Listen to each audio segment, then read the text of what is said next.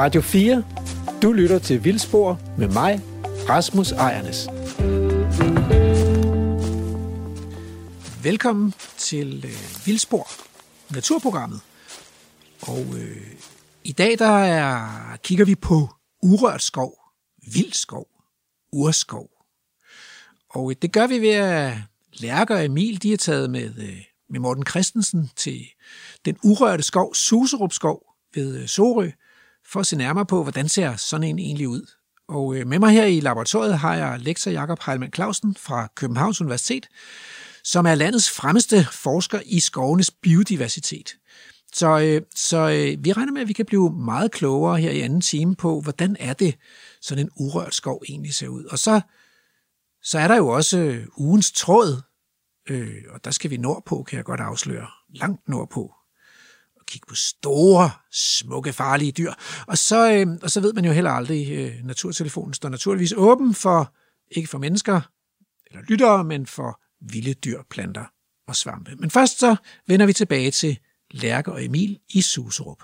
Du lytter til naturprogrammet Vildspor med Lærke Gleup Hansen, Emil Brandtoft og mig, Rasmus Ejernes. Ja, her er et eksempel på en stamme, der har ligget lidt længere tid. Øh, og der begynder det sådan at være svært at se, hvornår det er en stamme og hvornår det er jord.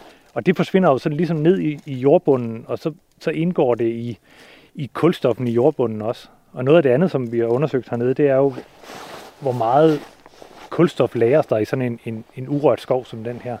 Og der kan vi se, at der selvfølgelig er rigtig meget kulstof bundet i de store træer, og der er rigtig meget kulstof bundet i det døde ved. Men der er rent faktisk også rigtig meget kulstof i jorden. Og det er selvfølgelig, fordi alle de her nedbrudte produkter, de ligger der stadigvæk og, og binder altså en masse, en masse kulstof i jorden også. Så på den måde er, er sådan urørt skov også et, et godt CO2-lager, nu man snakker, snakker klimaændringer og, og, og, og, øh, og gode ting, man kan gøre. Det er mig, der er Rasmus Ejernes, og lige nu er Lærke Gleup Hansen og Emil Brandtoft fra Vildspor på reportage. Ja, så er vi tilbage igen her i uh, Suserup Skov, og vi er nu gået helt ud i udkanten af skoven. Vi står øh, ved et gammelt dige, lidt lidt sammenfaldet dige, så det er nok, øh, har nok mange hundrede år på banen. Og vi kigger lidt ud over noget, som, øh, som dels er lidt åbent, men der er faktisk også nogle øh, små træer herude. Og Morten, hvad er det for et sted, det her? Jamen, jamen vi står op ved det, det gamle skovdige, øh, og da jeg startede med at komme her for, for øh, 30 år siden næsten, der var der herude på den anden side en dyrket mark, øh, ganske almindelig dyrket mark, hvad den hedder, og det her var ligesom afgrænsningen for Suserup skov. Så træffede man en beslutning for, for jeg tror for 20-25 år siden om, at man gerne ville lade skoven udvide sig. Og Naturstyrelsen overtog faktisk de arealer, der ligger uden for skoven. Øh, og øh, så det er altså statsareal, når man kommer uden for skoven. Og der har man så ladet skoven vokse ud øh, et, som et forsøg på at danne sådan en mere naturlig overgang til, til landskabet udenfor. Og det er jo noget, som man snakker rigtig meget om nu i, i, i naturforvaltningen, at skabe nogle, nogle selvforvaltende landskaber, og nogle landskaber, som ligesom kan, kan have den der overgangszone mellem skov og, og åben land. Og vi er jo så heldige her lige, lige netop i det her område, at vi har nogle af de arter stadigvæk, som, som er knyttet til netop, hvad skal man sige, grænsen mellem skoven og det åbne land. Og lige hernede ligger et vandhul, hvor, hvor der er løvfrøer i for eksempel. Og løvfrøen er jo typisk sådan en art, som, som er afhængig af et vandhul, men samtidig skal bruge noget krat og noget skov. Øh, det meste af sin, sin øh, cyklus, hedder, for at kravle rundt i på bladene. Det samme gælder springfrøen, som også er almindelig i det område her. Og så har vi jo øh, øh, en af de, de, de sjældne starter i Danmark, nemlig hasselmusen, findes jo også i det område her. Den er ikke kendt lige fra Suserup skov, men findes et par kilometer øh, lidt længere hen af, af, af kysten med Tystrup Sø. Øh, og hasselmusen er netop afhængig af, af sådan nogle krat og overgang mellem skov og, og, øh, og åben land. Det er der, den lever, så at sige. Og på sigt må man håbe, at, at man får skabt et område her, som udover de store værdier, som Suserup skov har, også får sådan et landskab, hvor, hvor, hvor tingene kan, kan være mere dynamiske og bevæge sig rundt. Det er der i hvert fald mulighed for, fordi at, at staten har de her arealer og ligesom kan, kan lade dem indgå i, i, i noget stor græsning og sådan nogle ting. Og nu, nu kalder du det en naturlig overgang. Har vi ikke den her overgang andre steder? Jamen, man mangler det enormt meget i Danmark. Hvis man kører rundt i det danske landskab, så kan man se, at alle skovene er sådan skarpt afskåret. Øh, og i et naturligt system, der vil skovene jo vandre ud på de åbne områder. Og så vil man nogle gange få en, en, en forstyrrelse. For eksempel, nu havde vi det her store stormfald. Det kunne også være en skovbrand. Og så vil der opstå en lysning ind i skoven. Og hvis man så har nogle store græsser, øh, som, som man havde i den oprindelige skov, så vil man opleve, at de her skovlysninger faktisk blev holdt åbne i lang tid. Og man så havde sådan en, en, en, en, en ganske vist midlertidig øh, eng inde i skoven, men, men en eng, der måske kunne være i 50 eller 100 år, øh, og så langsomt groet til igen. Og mange af de organismer, som er rigtig truede i den danske natur, altså sommerfugle og hasselmus og, og, og, og nogle af padderne også, de er netop knyttet til lige præcis de her overgangszoner, hvor, hvor, hvor skoven så at sige vandrer ud i landet, eller ud i det åbne land. Øh, og det er der basis for at lave her. Og så kan man ud over Susorp få også få et, et, et, et, et helt landskab, som Susorp så kommer til at indgå i. Så det er jo visionen for, for hvad skal man sige, det, på det område her på sigt. Ja, det er nemlig en, øh, det, var en, det var også en ting, jeg stussede over, da, da jeg sad med artslisten i går aftes fra Suserup Skov. Der er jo der er set, der er set nogle sommerfugle her i skoven og i området og sådan noget, men der var ligesom ikke, der var ikke nogen af de der rigtig gode øh, øh skovarter, siger jeg, i, i, i godsøjne, fordi det er jo i virkeligheden de arter, som, som netop er dem, der lever i, i, i lysningerne, altså de, eller de steder i skoven, hvor der måske ikke er skov, eller hvad skal man sige, sådan en art som rødlig perlemor sommerfugl, eller, eller, eller hvad det kan være, der, der lever i de der skovlysninger der, de, de mangler jo så her, fordi skoven ikke har en størrelse, hvor dynamikken kan være der og sådan noget. Men det kan man så håbe, det kommer med tiden. Det er jo i hvert fald nogle arter, som er stærkt truet og i voldsom tilbagegang. I særdeleshed på Sjælland er det jo stort set umuligt at finde de her sommerfuglearter mere. Øh, og det er, fordi man har taget mange af de skovlysninger, som så har været i skovene, dem har man plantet til med sitkagran og alle mulige andre ting. Øh, og så lader man ikke den her dynamik fungere. Øh, fordi man, man også i skovbruget har en anden opfattelse af, at tingene skal være velordnede og, og i, i, i, i pæne rækker, og, og man skal holde sig inden for de litra eller afdelinger, som man nu engang har plantet dem i. Og sådan er naturen altså ikke. Den har brug for at kunne vandre rundt øh, og flytte sig. Jamen, skal vi ikke prøve at gå en tur ud på, på den tidligere mark, som det så er, og prøve at se, hvad der, hvad der sker herude? Du lytter til naturprogrammet Vildspor med Lærke Gleup Hansen, Emil Brandtoft og mig, Rasmus Ejernes. Kommer vi igennem sådan en skov af brændenælder her.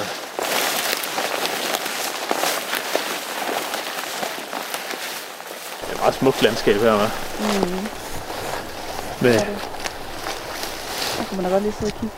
ja, med de bølgende, de bølgende bakker herude i det åbne land, og den helt efterårsrøde skov om bagved.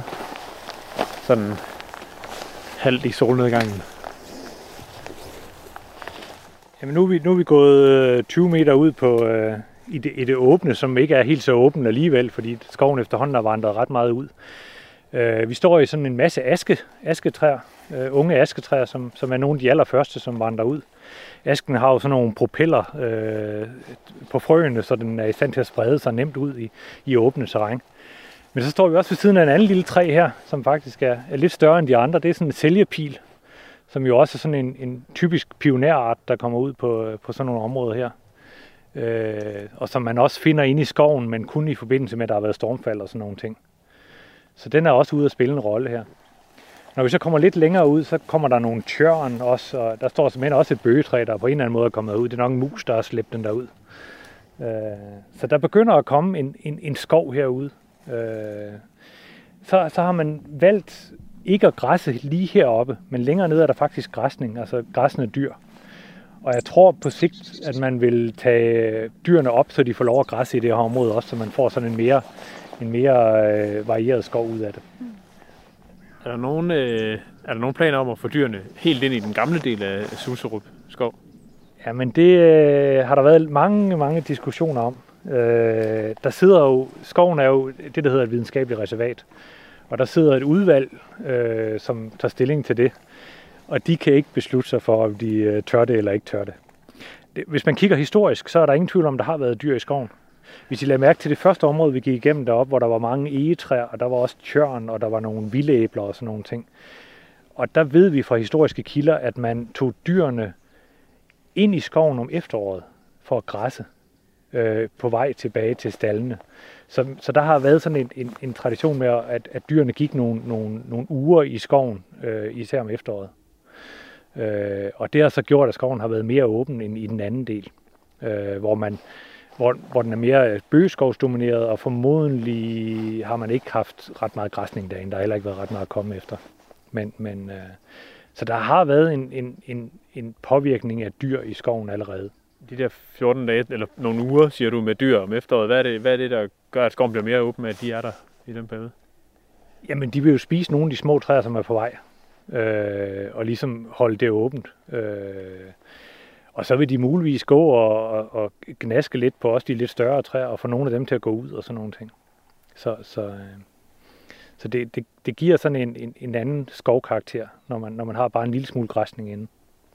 Men hvilke, hvilke diskussioner er der så, man har i forhold til så at sige, at man ikke så gerne vil have dyrene tilbage i skoven? Jamen, man er jo selvfølgelig bange for at ødelægge Susrup.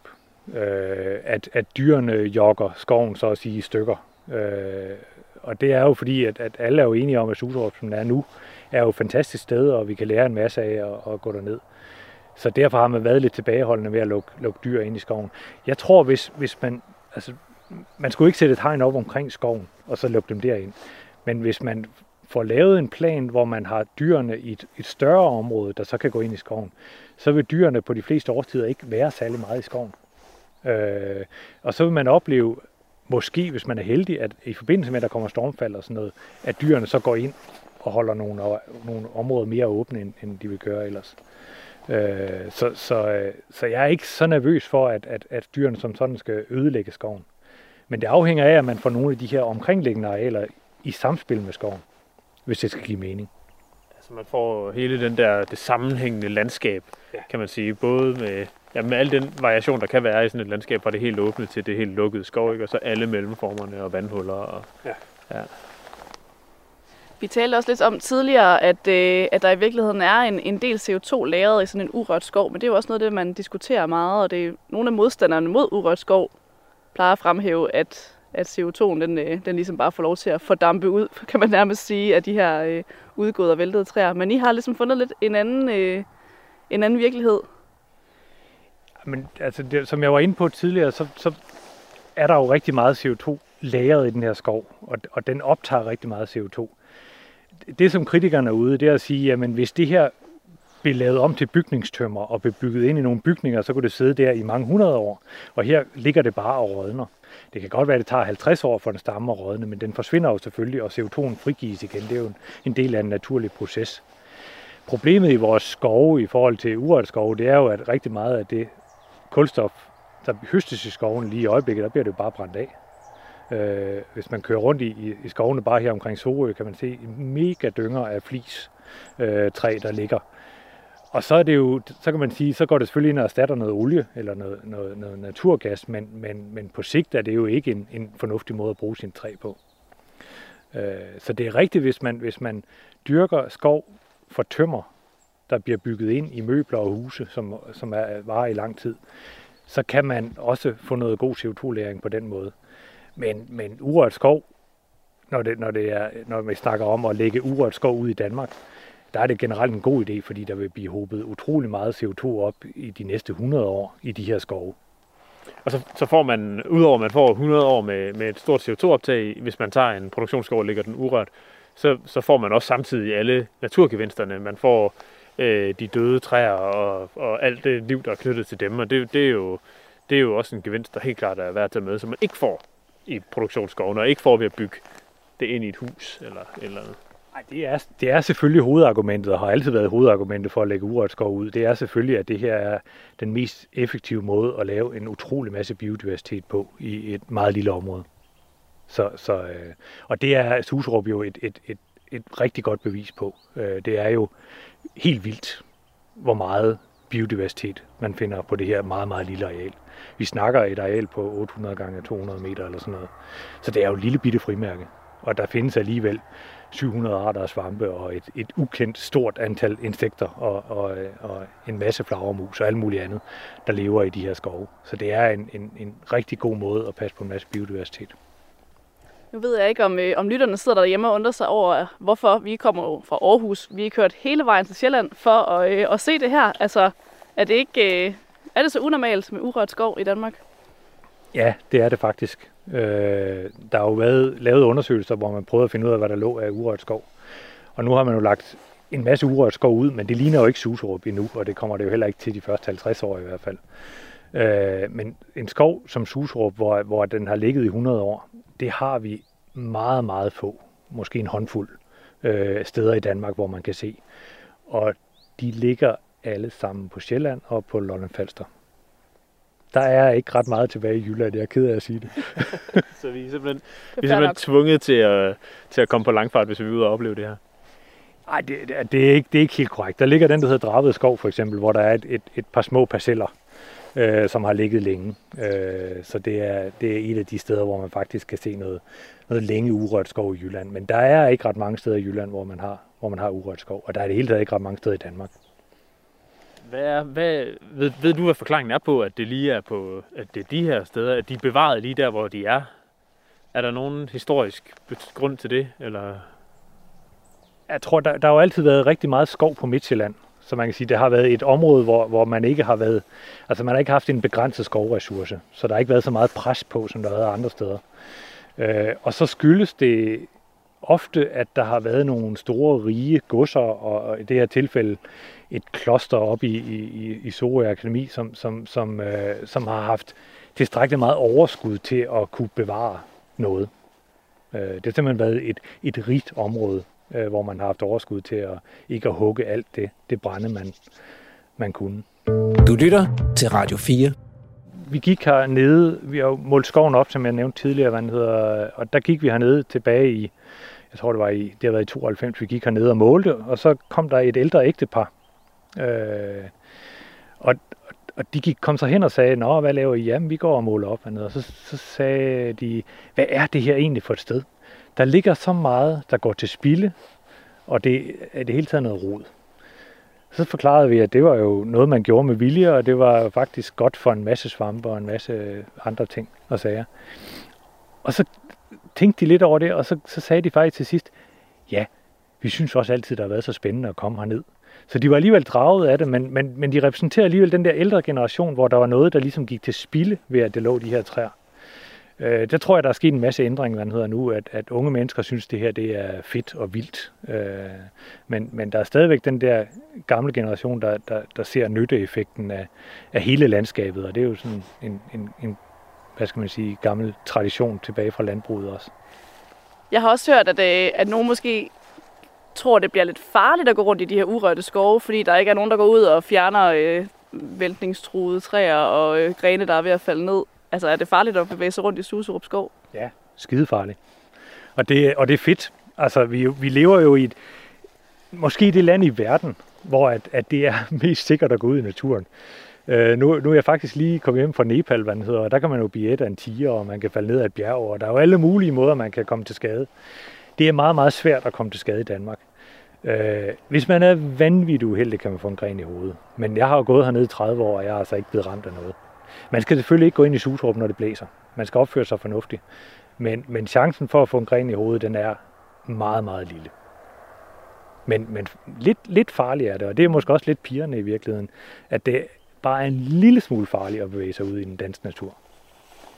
Altså man kan, man kan tage en tur i Suserup skov, eller man kan springe bungee jump, eller det er sådan lige for at få et lille ekstra kig i hverdagen. ja, det kan man sige, men jeg, det, det er nu sjældent, jeg har følt, at, at det har været så farligt, at jeg har været bange hernede. Men, men jeg har hørt grene falde ned, mens jeg er gået her. Altså, så det sker, selvfølgelig gør det det. Og det står også eftertrykkeligt, når man, når man går ind i skoven, at, at færdsel er præget ansvar.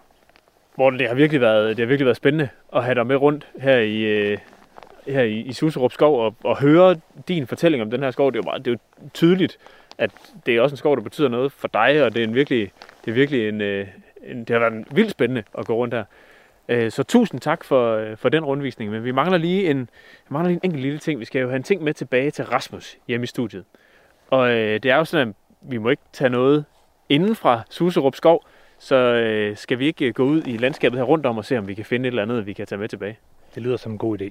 Det er jo, det er jo et videnskabeligt reservat, om, om, om man må ikke plukke hverken svampe eller, eller andre sjove ting derinde og tage med ud.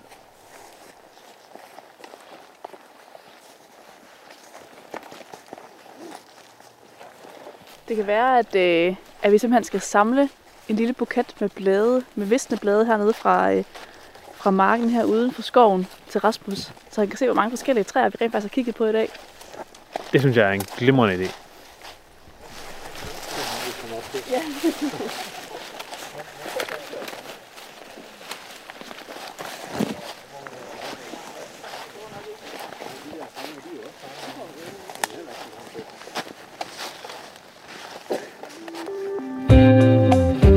Radio 4 taler med Danmark.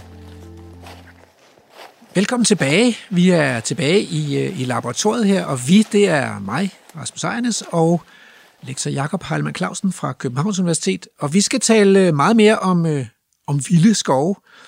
Øhm, du kender jo udmærket Suserup Skov. Øh, du har faktisk gået dernede og målt træerne op sammen med Morten Christensen. Og, øh, og nu har vi fået en, øh, en grundig rundvisning i Suserup Skov. Men Suserup er jo en lille skov, altså sådan øh, ge- øh, geografisk lille skov.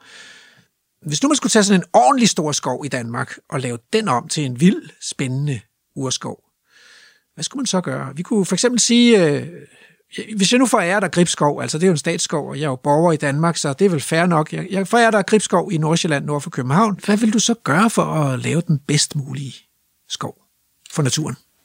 Det er et godt spørgsmål. Øh, Gribskov kender jeg jo vældig godt. Øh, vi forsker deroppe, og, øh, og, og den er jo, den har jo, altså hvad skal man sige, indtil for, for, for en 30 år siden, så var det en af de mest effektivt drevne skove, vi har i Danmark. Så der er rigtig meget øh, øh, plantageskov. Masser af rødgran, der står øh, ensartet og mørkt. Rødgran, det er så ikke en god art, kan jeg. Øh, rødgran er ikke nogen dårlig art heller. Okay. Den er jo næsten hjemmehørende. Vi ser ikke ret meget op i Sverige, før den faktisk vokser naturligt. Så den, der er begyndt at vokse, komme arter med, i, i, som er indvandret til Danmark og, og har det fint i, i grænskovene. Men, men, men, men grænskovene, er, når de er plantet, så er de meget ensartede, de er meget mørke, og alle træerne er lige gamle. Så det er jo et kedeligt udgangspunkt. Mm. Det gælder sådan set også for, for løvskovene deroppe. De er, de er meget snorlige og, og, og ensartede, og her står der bøg, her står der e, og her står der rødgarn. Ikke? Så, så et meget, meget ensartet skovbillede. Og det kunne man jo godt begynde at pille ved. Man kunne måske der oven i købet overveje, om man skulle, hvis man ville have endnu større budget, så kunne man jo fælde nogle af de her rødgraner, og måske især hvis der så står noget lærk eller noget sitkagran, som, som på ingen måde er hjemmehørende i, i, i nærheden af, så kunne man måske overveje, at man, man simpelthen skulle sælge det for at skabe plads. Men det kan også det ligge. Altså, det vil jo skabe nogle levesteder for, for, for, for nogle arter med det samme, men ikke nødvendigvis nogle arter, der egentlig er troet i Danmark. Øh, måske ville det være nogle ret almindelige arter, der, der, der, der indvandrede på sådan en, en, en, en sitka-stamme, hvis den øh, bare blev fældet og blev lagt i skoven. Man kunne også lege med ild, ikke? Altså sådan noget øh, græn, det, var, det brænder jo vældig godt på, på en tør dag. Øh, jeg tror også, jeg ville slå nogle huller, øh, måske bare nogle mindre huller, så vente på de der stormfald. Altså, jeg husker at se det, øh, en, en af de største nationalparker i Tyskland, og den blev angrebet af, af barkbiller, ikke? Og, og man tænker, uh, så døde alle træerne. Men øh, jeg kom der 10 år efter, og så tænkte man, hold da op. Hvis man virkelig skulle lave et nyt naturreservat, så ville en kæmpe naturlig forstyrrelse være et fantastisk udgangspunkt. Wow, jeg bliver sådan helt forpustet, ikke? Så vi, vi rydder ud i noget af det, og, og så brænder vi noget af det, og, og vi prøver at se, om vi kan få, få noget sygdom og nogle angreb Ja, ja, ja, ind i ja det. præcis, og, præcis. Og Ja. vi skal selvfølgelig have hævet vandstanden også. så, så de også drukner træerne. Ja, altså. ja, ja, fordi det, gribskov er det, mand. Ja, ja. Og det er man faktisk, altså der vil jeg sige, der, er- der er man faktisk progressiv allerede nu. Der har man genoprettet en hel del af de drænede skovmoser okay. i Gribskov, ja. så der, det er ikke kun mig, der er ondt der. Øh, jeg vil sige, vi, noget af det, altså, det er mere ondskabsfuldt, det vi, altså, det ved jeg ikke, men altså, vi laver jo også huller og brænder træer deroppe for at prøve at finde ud af, om vi kan gøre et, et, et, et, et veldresseret elitetræ det- til, det til et gavmildt levested. Altså høre mere om om lidt, men altså, ja. øhm, skal det stadigvæk være en fredskov? Altså skal den være i fred for de der øh, græsne dyr? Skal vi opretholde skovgæret? Øh, det kan godt være, at vi bliver nødt til at, at, at, at, at oprette et eller andet hegn, men det ville jo være fedt at få, få, få smidt nogle dyr derind. Hvilke dyr? Ja, det kunne være, altså jeg ville nok starte med nogle køer. Ja. Måske nogle heste. Ikke? Det, det, det ved vi fra knoglefund, at, at især køerne har været det, har været det talrigste dyr. Ikke? Så hvis man vil være lidt konservativ og ikke begynder at lege med, med, med, med det, der er meget progressivt, og som måske også kunne være lidt svært at styre i et område, hvor der er så mange mennesker, som altså elefanter ville måske nok øh, skabe nogle udfordringer i Gribskov. Men, men, men nogle, nogle køer, som kunne rende rundt og græsse, det, det tror jeg kunne, kunne komme til at foregå ret fredeligt. Øh, nogle heste kunne også gøre, gøre, det har man faktisk allerede, ikke? Altså, så hestene kunne man jo bare, man kunne bare fjerne hegnene, som, som, som, som holder hestene inden for nogle ganske bestemte områder, og så lave, og der bliver man nok nødt til at, altså, jeg tror ikke, at det danske samfund er klar til, at man, man, man bare ved, kører og heste og rundt frit i landskabet. Øh, især ikke et sted, der er så tæt trafikeret og med så mange jernbanelinjer, og hvad, vi, hvad har vi Ja. øh, som Nordsjælland. Ja. Så et eller andet form for skovgæger eller hegn øh, til at holde dyrene inde og ikke genere Men. Gribskov er jo kæmpestor, så det kunne godt blive ret interessant. Altså, jeg tror da nok, jeg vil, øh, jeg vil komme forbi, så kunne du give en rundvisning der i, Ja, det vil jeg nyde. Det, i Kong Jakobs skov ja, i Nordsjælland. Ja, ja, ja. Øhm, det lyder godt. Ja, jeg synes også, det lyder meget sjovt, altså. Ja. Øh, i, vi havde dig faktisk på i sidste uges Vildspor. Jeg ved ikke, om du har fået hørt det nu, men, øh, men der var du forfatter til det, vi kalder ugens tråd. Og det var, fordi du havde, på Facebook havde lagt sådan en tråd op, hvor du egentlig var ret gal. Jeg husker dig, altså du, egentlig er du en venlig mand, vil jeg sige, øh, os, os, kære lytter. Øh, jeg står her med en venlig mand. Men i sidste uge, der var du gal. Og øh, du var gal over Skovforeningen, som på deres hjemmeside havde slået op, at urørt skov måske ikke var så god for biodiversiteten alligevel. Ja. Hvorfor er det et, et problematisk udsagn? Jamen, fordi der er jo, der er jo ikke nogen som helst dækning i, øh, i, i det, vi ved om skove. Altså, det er jo totalt meningsløst udsagn. Øh, Det var grebet ud af en kontekst fra et tysk studie, som overhovedet ikke interesserede sig på forskellen mellem dyrket og urørt skov, men, men på forskellen mellem nogle forskellige måder at dyrke skoven på.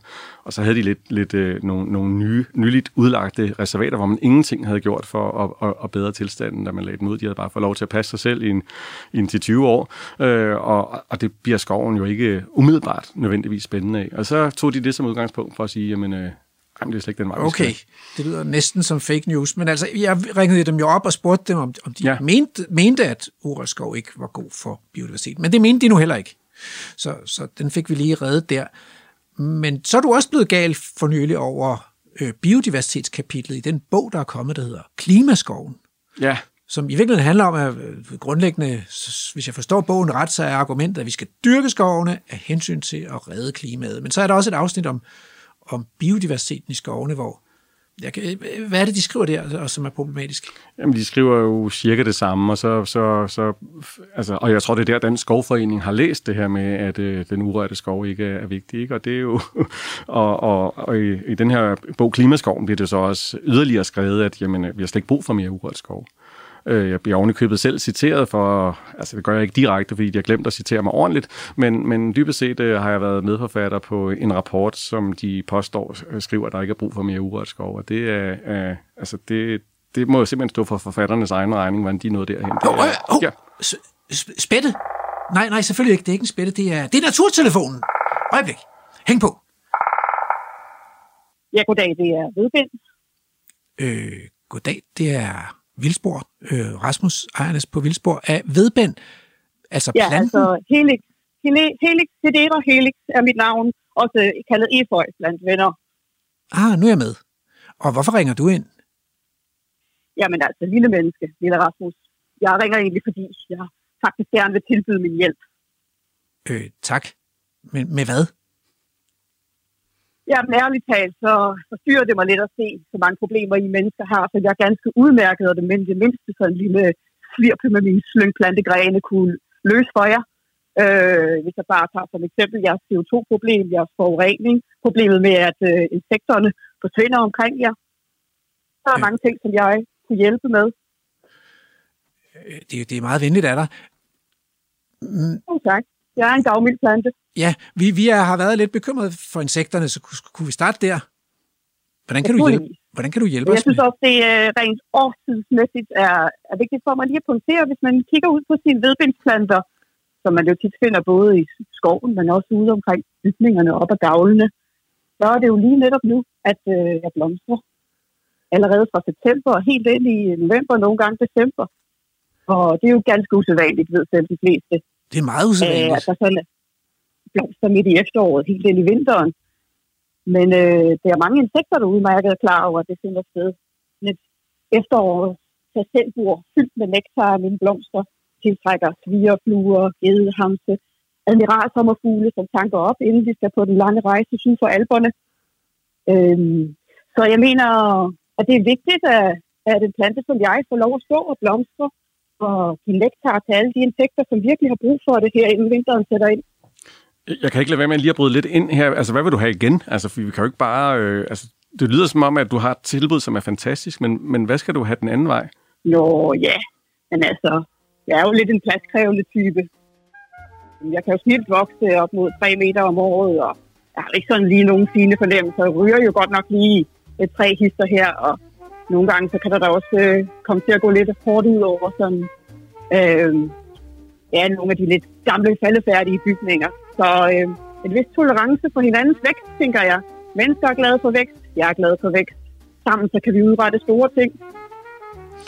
Det er faktisk jo, det er jo første gang, vi her på Naturtelefonen får sådan et tilbud om, om et egentligt partnerskab. Det er ja, sådan, jeg skal forstå det, Det er partnerskab, vi taler om. Ja, præcis. Og jeg ringer da også, fordi jeg er lidt træt af de misforståelser. Nogle gange så tror man jo, at slyngplanter er det samme som slyngelplanter. Men øh, det er jo ikke sådan, at jeg er nogle snylteplanter, der snylter på andre. Og i langt de fleste tilfælde, så, så gavner det jo virkelig, at jeg omfavner bygningerne med mine grønne arme, fordi jeg er også nødt til at nedsænke bygningernes varmetab helt op til 20 procent. Og samtidig, når jeg så omfavner bygninger, så beskytter jeg dem mod det hårde klima, mod øh, vind og regn, og i det hele taget får bygningen til at, at blive bevaret længere. Er du sådan i en, med, er du, i, er du sådan ja. lidt i en, en form for naturens reklamebranche? Nej, det kan jeg vist ikke sige. Men, øh, men jeg er jo ikke nogen beskeden plante, vel? Så, så jeg Nej, synes, men, det på tide at ringe ind og gøre nationen opmærksom på, at jeg er jo lige her. Ja. Og hvorfor har folk så travlt med at kalde mig ukrudt eller skære mig væk? Øh, hvis der var en, menneskelig ingeniør, der havde opfundet altså, noget lignende. Nu, nu vil jeg gerne lige afbryde dig, for jeg synes, det lyder lidt for godt til at være sandt, og jeg bliver nødt til lige at grave lidt dybere. Det er mig, jeg, jeg hedder Jakob, jeg er skovekspert, og jeg ved jo, altså det, det, det naturlige voksested for dig, det er ude i skovene. Og der har jeg altså set, hvordan du nogle gange slår nogle træer ihjel, ved simpelthen at vokse op og skygge dem ud. Hvordan, hvordan øh, kan du forsvare det? Altså er det i orden? Jamen altså, en lille Jakob menneskesøn, som jeg plejer at sige, hvor der handles og spildes, og ja, der ryger et træ her. Men øh, samtidig har vi det. Det kan du nok være enig med mig om et stort problem med mangel på dødt ved. Så God pointe. Endnu, en, endnu en god pointe. Vi, vi får ikke slået dig af pinden, og, og desuden så kan man sige, at det er jo helt i programmets ånd, vi går ind for naturkærlighed. Og det her med, at du kommer og tilbyder en, en, en egentlig omfavnelse, det, det, det vil jeg gerne takke for på vegne af Vildsborgs lyttere. Så, øh, så du skal have mange tak for, for, at du ringede ind, og øh, jeg vil lade den gode nyhed øh, om partnerskabet med Vedbænd gå videre. Mange tak. Hvis du nu lige skulle, skulle få chancen til at, øh, at tale direkte til programmets lyttere her, er der så noget, du ønsker af os? Ja, der er noget, jeg ønsker mig. Jeg ønsker mig, at øh, I lader være med at beskære mig, denne plante, øh, i efteråret. Det er meget populært, når man ser endda store plantevirksomheder som Plantorama anbefale, at der skal beskæres her i efteråret. Men det er jo netop det, jeg skal til at blomstre. Vent dog. Mm. Jeg foretrækker jo slet ikke at blive beskåret. Man skal det endelig være, så gør det i februar. Men lad dog blomsterne stå nu her og tilbyde lektar til alle insekterne. Mm. Og du er også god at bygge rede i, så det kan man også godt ja. huske, ikke?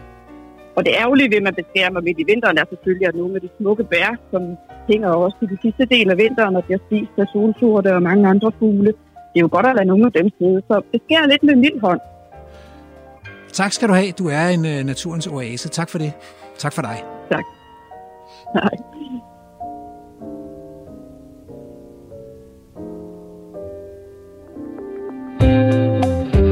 Radio 4 taler med Danmark. Ja, øh, ja, ja, det må du undskylde, Jacob, men vi, vi, vi kan simpelthen ikke styre det der naturtelefonværk. Altså, det er jo ikke til at lave aftaler med arterne. Det, det, er, jo, det er jo også vigtigt, altså. Det er jo det jeres eneste talerør. Det er deres eneste talerør, og, og, og det er programmets mission at give naturen en stemme. Mm. Øhm, det var vedbænd, der var igennem. Det, er jo, det er jo, passer jo fantastisk ind i dagens tema, fordi sådan nogle vedbænd, de vokser jo naturligt ude i danske skove. Ja, det gør de.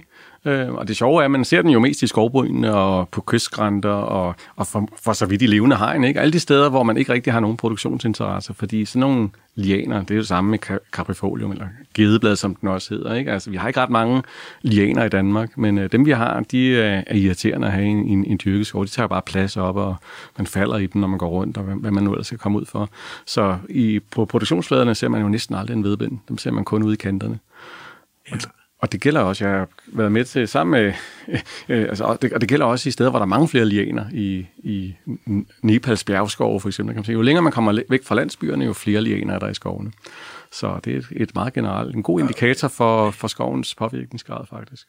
Og, hvor, altså, og, de, og de er simpelthen irriterende, de der lianer. Ødelægger de ved det? Nej, altså sådan en vedbænd kan jo godt øh, vokse op og faktisk øh, kvæle et træ øh, ved at overtage hele kronen og, og skygge, skygge træet ud. Men øh, så længe de ikke har udviklet sig i, i væsentlig omfang, så, så gør de jo ikke den store forskel.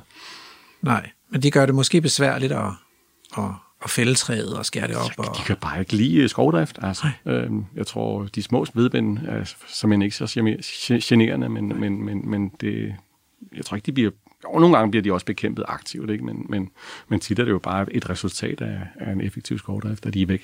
Mm. Ja, ja, det er også... Det er jo... Men budskabet er vel, at man skal passe lidt på sin vedbænd, fordi de, de, de, simpelthen, de kan noget, ikke? De, jo, de det er gode jo, for naturen. Og jo, de... det er jo, de hører jo til mange Ja. af de her, altså mange af de her unødige arter, vi har i skoven. Øh, det kunne være hvidtjørn, det kunne være hunderoser, det kunne være øh, en masse andre buskarter. De står jo der og tilbyder nektar mm. Og pollen til bestøvende insekter. Ja, det er der for de har rigtige blomster. De har rigtige blomster. Det er de færreste af vores skovtræer, der har det. Ja. De fleste bliver bare vindbestøvet, som bøg og i og græn og fyre gør det. Og det er selvfølgelig også rigtige blomster, men de er bestøvet af vinden, og, det, og dermed Præcis. ikke, har ikke nektar og pollen. Hvad hedder det? Øhm, øhm, den tyske skovmand, øh, Wohlleben, ja. har skrevet sådan en, en bog om træernes hemmelige liv. Ja. Altså, jeg har kun bladret i den. Har du læst den? Nej. Nej, nej. Men, øh, men øh, jeg, jeg er blevet så klog på det, ikke, at han skriver blandt andet om, hvordan træerne hjælper hinanden i Ja. skoven. Øh, så, så store træer hjælper små træer og gamle træer, øh, øh, unge træer og, og sunde træer hjælper syge træer og sådan noget, de, fordi de så er knyttet sammen i et underjordisk netværk af rødder og svampe. Og det der med det underjordiske netværk, den er vel god nok. Den er god nok, ja. ja, ja. Og, og det er jo nogle af de svampe, vi går og finder ude i, i naturen, de, øh, øh, de, de er jo forbundet med træerne. Mm. Øh, men, men det kan også samtidig komme til at lyde meget romantisk. Så, så jeg har længe gået sådan med en, øh, en lille dagdrøm om, at, at Wohlleben skulle komme til Danmark, og så skulle han komme forbi dig, hvor du står ude i en træ, i en skov og, og udøver det der træsadisme, som du laver ude i, i skovene, som, som er, har været noget af din forskning. Og så kunne jeg godt tænke mig at være en flue på væggen ikke, i den der samtale. Kan du ikke fortælle om, hvordan du har... Hvor mange måder har du mishandlet træer på egentlig? Øh, Altså, jeg, personligt har jeg kun mishandlet den på en måde. Og det Okay. har jeg, altså, der har jeg på, på, på sådan sort spider lavet bål ved basis af træerne. Sådan, så ikke for at slå træerne ihjel, men for at give dem en ordentlig skade på, på, på den ene side, så, så der ligesom blev mulighed for nogle svampe og, og sidenhen nogle insekter at flytte ind i de her træer. Øh, men så har vi i projektet haft folk, der har ringbarket træer, altså ligesom har lavet en rende hele vejen rundt i barken, så træet lige så stille står og, og dør en pinefuld død, hvis, hvis man mener, at træer de kan mærke, øh, at de ikke har det godt. Øh, og så har vi boret huller ind i træerne, og så er der nogen, der simpelthen er blevet fældet øh, i cirka en meters højde, øh, for at skabe livsteder alt sammen. Og det, det, det lyder jo ikke sådan særligt naturvenligt. Altså, når, når jeg tænker på naturvenligt, så er det noget med at gøre naturen øh, frodig og frugtbar og grøn og sund og sådan noget. Ja. Det er jo det, er det modsatte, I gør der. Ja, det kan man godt sige. Altså, vi tager nogle sunde, ranke præmietræer. Altså, de kunne have været elitestudenter i, i det danske skolesystem, øh, og dem er der bare for mange af i forhold til at blive gavmild over for biller og svampe. Der er simpelthen ikke plads til dem derude, når der kun står ranke, sunde træer. Fordi alle de, de usunde træer, dem der havde lidt røget, eller dem der havde en mærkelig form, eller ru bark, dem tager man jo typisk ud, når man, når man tønder en skov med henblik på at lave et kvalitetsprodukt som tømmer. Så de træer mangler i den grad i vores skove. Så her prøver vi simpelthen at sige, okay, nu udvælger vi nogle træer, og så øh, ser vi, om vi kan speede processen op i forhold til faktisk at, at, at, at, at lave nogle levesteder, som, som, øh, som mangler i en, en veltrimmet, dyrket bøgeskov. Så hvis man skal konkludere, så er der, der er flere simpelthen flere sygetræer i en sund skov, eller eller flere sygetræer i en naturlig skov, eller Ja, altså, jeg tror, der, der er jo to ting, som jeg har lyst til at sige her. For det første, så hele den her idé om at tale om en sund natur, det, det, det, det kan man måske godt, men, men, men så skal vi altså op på et ret filosofisk plan, før det giver mening, fordi naturen kan godt bestå af nogle sunde eller mindre sunde individer, ligesom vi kan være sunde, men hvornår er naturen sund? Er det, når den producerer en masse tømmer, eller er det, når den producerer en masse levesteder for biller og, og svampe, som ødelægger træerne? Hvad, hvad er mest sundt? Det bliver et meget mærkeligt spørgsmål. Øhm, og når man kommer dertil, så, så, så igen, de her menneskelige metaforer, også det her med voldleben, der beskriver, hvordan ah, træerne hjælper hinanden. Altså, der kunne jeg godt lide en hollænder, som, som på et, øh, lavede et fantastisk foredrag, hvor hun skrev, organismer, de er selviske de er sgu ikke interesseret i at hjælpe hinanden. De er interesseret i at, at, at overleve selv og reproducere sig. Øh, så, så det der med, at træerne de har venner og, og, og hjælper hinanden, det er, altså, jeg synes, det er lidt tygt. Øh, de fleste, de prøver bare at få mest muligt ud af ressourcerne øh, og, og skygge de andre ned. Øh, og, og jeg tror ikke på, at de hjælper de unge træer, men det kan godt være, at de unge træer har nogle tricks, der gør, at de kan hive ressourcer ud fra de gamle. Ah, så, så, så naturen er ikke sådan egentlig, den er hensides godt og ondt, kunne man sige. Ja, det er kun os mennesker, der kan være gode over Ja. Vi kan vælge, Ja. om vi vil gøre godt, og vi kan tale om sundhed for os selv og for vores nærmeste, og for, for vi kan også prøve det som en metafor for andre ting, men, men taler man naturbeskyttelse, så begynder det at blive en lille smule øh, langt ude og tale om sund natur. Ja, okay, men det, det, det kan jeg godt forstå. Øhm, og jeg kan også godt forstå, at de der syge træer, de så bliver, bliver levesteder, når de, når de åbner op. Altså. Det kan man jo man kan også sige, at vi kan man, kan man drage den så langt, at vi mennesker også, når vi, når vi går hen og kommer i vores livs efterår og, og bliver svækket og, og, og giver slip på arbejdsmarkedet og øh, at vi så giver lidt plads fra os, og ultimativt set, når vi dør, giver vi jo også plads fra os, og den plads kan jo bruges af, og de ressourcer, som vi ikke længere skal bruge, de kan jo bruges af nogle andre. Men øh, og det er måske også der, hvor ja, men jeg er meget enig. Altså man kunne jo godt øh, udvide sundhedsbegrebet for naturen, hvis man ville det, og lade sig inspirere, fordi vi skal jo herfra en gang. Øhm, og det er jo fascinerende at se et træ, hvordan det, når det begynder at blive mindre sundt, vokse langsommere, så bliver det jo også mere gavmildt over for resten af verden.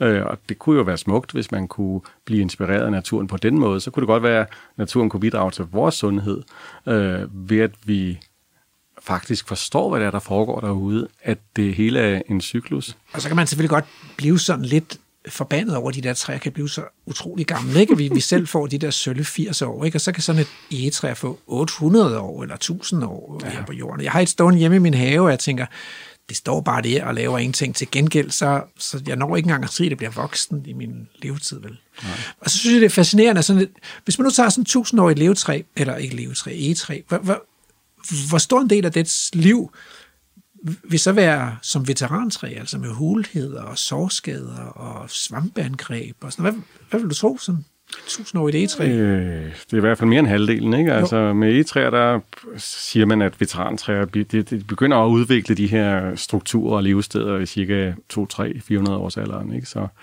så vi skal altså op på... Ej, de egetræer under 200 år er generelt ret kedelige som levesteder. Så, så det der med, at uh, nu skal vi have flere egetræer i skoven, det er altså en langsigtet strategi, fordi vi har ikke, rigtig, vi har ikke ret mange af de der gamle egetræer. Hvis man tager sådan en, en produktionsskov i, så går der altså mange år, før den øh, for alvor bliver gavmild, medmindre vi målrettet går ind og gør noget for det. Til gengæld skal man så passe på dem, som man har. Præcis. Se, øh, vi har faktisk en, øh, vi har fået en gave. Fordi øh, det, reglen er ligesom den, at øh, når Lærke og Emil er på tur, så finder de en gave ude fra naturen. Og øh, nu skal vi på, på en gang se, hvad jeg har med her. Du har nogle visne blade med. Ja, det har jeg altså. og nogle Øh, øh, bær. det er en lidt våd og klam pose her. Mhm. Men, øh, men man kan jo godt stadigvæk se de her blade. Det kan man. Og, øh, og der er også nogle bær, Ja, hvad er vi ude i her. der har vi ude noget benved. Der er vi ude noget benved. Den er ret giftig efter sine. Jo, og, og, og jo helt flot. hysteriske farver. Han er jo helt vild. Altså. Øh, orange og lyserød. Ja. Let og perverst, og man tænker, det, det, det må være en haveplante, det her. Men det er jo i virkeligheden et, en naturlig og vild plante. Mm. Og så er der bare helt enormt mange forskellige blade. Ikke? Mhm. Der er hassel, og der er tjørn, og der er e, og der er... Ja, Det er vel også en del af sådan en, øh, en, en vild og naturlig skov, at der er så mange forskellige mm. øh, Ja. blade. Ikke? Jo. Og, øh, og, og hvorfor er der ikke det i de dyrkede skove? Jamen, det er jo øh, fordi, at, at øh, sådan noget som benved, det, det giver ikke så meget på bundlinjen, når man, øh, når man skal leve af, af at dyrke skov. Mm. Og det gælder jo, langt de fleste af vores skove er, er jo, øh, hvad skal man sige, en del af et erhverv.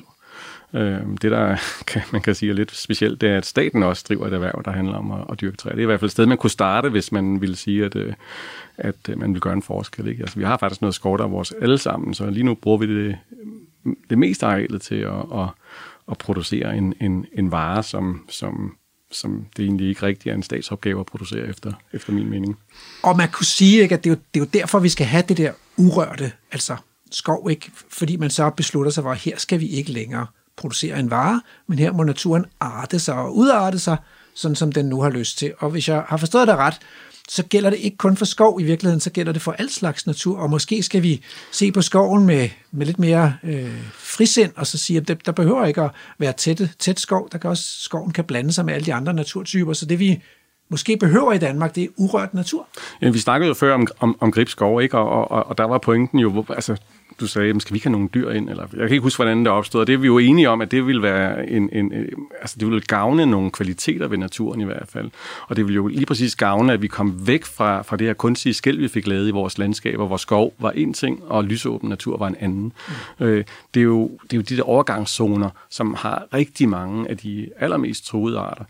Skovengene, de brede skovbryn, fyldt med blomstrende buske. De steder, hvor der hverken er, altså, som er ved at ændre sig, eller som hverken rigtig kan defineres som skov eller lysåben natur, øh, de, de habitater er jo mindst lige så vigtige, som skoven er for, er for sig, og som den lysåbne natur. Øh, og den kan man få plads til ved at, at, at tænke bredere og sige, men hov, når vi beskytter de her områder, så skal vi både tænke lysåben natur ind, vi skal tænke skov ind, og vi skal forbinde det, og der er de her store græsne dyr dem, der kan sikre, at, at det hele ikke gror til i træer, men, men at vi får den her matrix af vild natur, hvor der måske er mest skov, men hvor der også er plads til de lysåbne levesteder. Det synes jeg er en fantastisk udgangsreplik, og øh, den er hermed givet videre til beslutningstagerne. Tak skal du have, Jacob. Det var en fornøjelse. Selv tak. Du lytter til Vildspor med mig, Rasmus Ejernes. Nu skal vi til ugens tråd, og i dag skal den handle om klima og isbjørne. Se ind i gruppen Formidling af Biodiversitet på Facebook, en gruppe med 4.500 medlemmer, der slog Lars Brøndum en tråd op. Og han spurgte, han spurgte, om det var en god idé at bruge ikonarter, når man ønsker at formidle biodiversitet eller andre kriser, og i det her tilfælde altså klimakrisen. Og han, øh, han skriver, spørgsmålet kommer efter, jeg flere steder på nettet har set, at der bliver sået tvivl om den videnskabelige validitet i påstanden om, at isbjørnen der jo ellers længere har været brugt som ikonart i global opvarmning, at den går tilbage på grund af klimaforandringer. Og så øh, viser han et billede af sådan en øh, udsultet og forhudlet isbjørn, som er blevet brugt i National Geographic som bevis på, at isbjørnene mistrives på grund af det varmere klima. Men han skriver, at øh, nu er der altså faktisk så et tvivl om, hvorvidt isbjørnen er i tilbagegang. Da den kanadiske forsker Susan Crockford har været ude og problematisere de tal, som IUCN og andre bruger, når de påstår, at isbjørnen er i tilbagegang, og at begrundelsen skal findes i de globale klimaforandringer. Han skriver, at hende her Susan Crockford påstår, at isbjørnbestanden er markant større end det, som IUCN og andre påstår, og at bestanden faktisk er stigende. Og det er der så nogen, der har valgt at kommentere i den tråd her. Søren har skrevet, at problemet med at bruge isbjørnen er vel først og fremmest, at den lever i en ret utilgængelig del af verden, og at den globale bestandsstørrelse derfor er dårligt kendt. Hans Henrik skriver, jeg er enig i, at det er en relevant diskussion. Hvordan kommunikerer man effektivt? Altså så modtageren forstår budskabet, og uden at man i virkeligheden planter forkerte, men mere let fordøjelige forestillinger. Kenneth skriver, lige i forhold til isbjørnen, så skulle problemet være et resultat af fejlagtigt historiske tal – samt en efterfølgende fredning af isbjørnen, hvor resultatet var, at den steg i bestand. David øh, skriver, at Verdensnaturfonden har vendt den her øh, problemstilling meget godt. Pandaen for eksempel er jo ikke længere udrydningstruet, og det er en mega positiv historie, der viser, at det nytter. Håb er sjovere at sælge i længden end afmagt. Og så er det jo bare, jeg tænker som biolog, at øh, jeg kunne da godt tænke mig at høre, hvordan det i virkeligheden går med isbjørnene. Det er jo et fuldstændig fantastisk dyr. Så, øh, så jeg har øh, søgt lidt, lidt efter en, der kunne have forstand på isbjørnen, og jeg har fundet Fernando Ugarte, som er afdelingschef i afdelingen for pattedyr og fugle på Naturinstituttet i Grønland. Jeg tror, han ved noget om, ved noget om isbjørnene. Hallo? Hallo, det er Rasmus Ejernes fra Naturprogrammet Vildspor på Radio 4. Fernando Ugarte, øh, afdelingschef i afdelingen for pattedyr og fugle på det Grønlandske Naturinstitut. Er det rigtigt? Det er rigtigt, det er mig. Perfekt. Jamen altså, jeg ringer jo til dig, fordi at uh, ugens tråd i programmet i dag handler om isbjørne.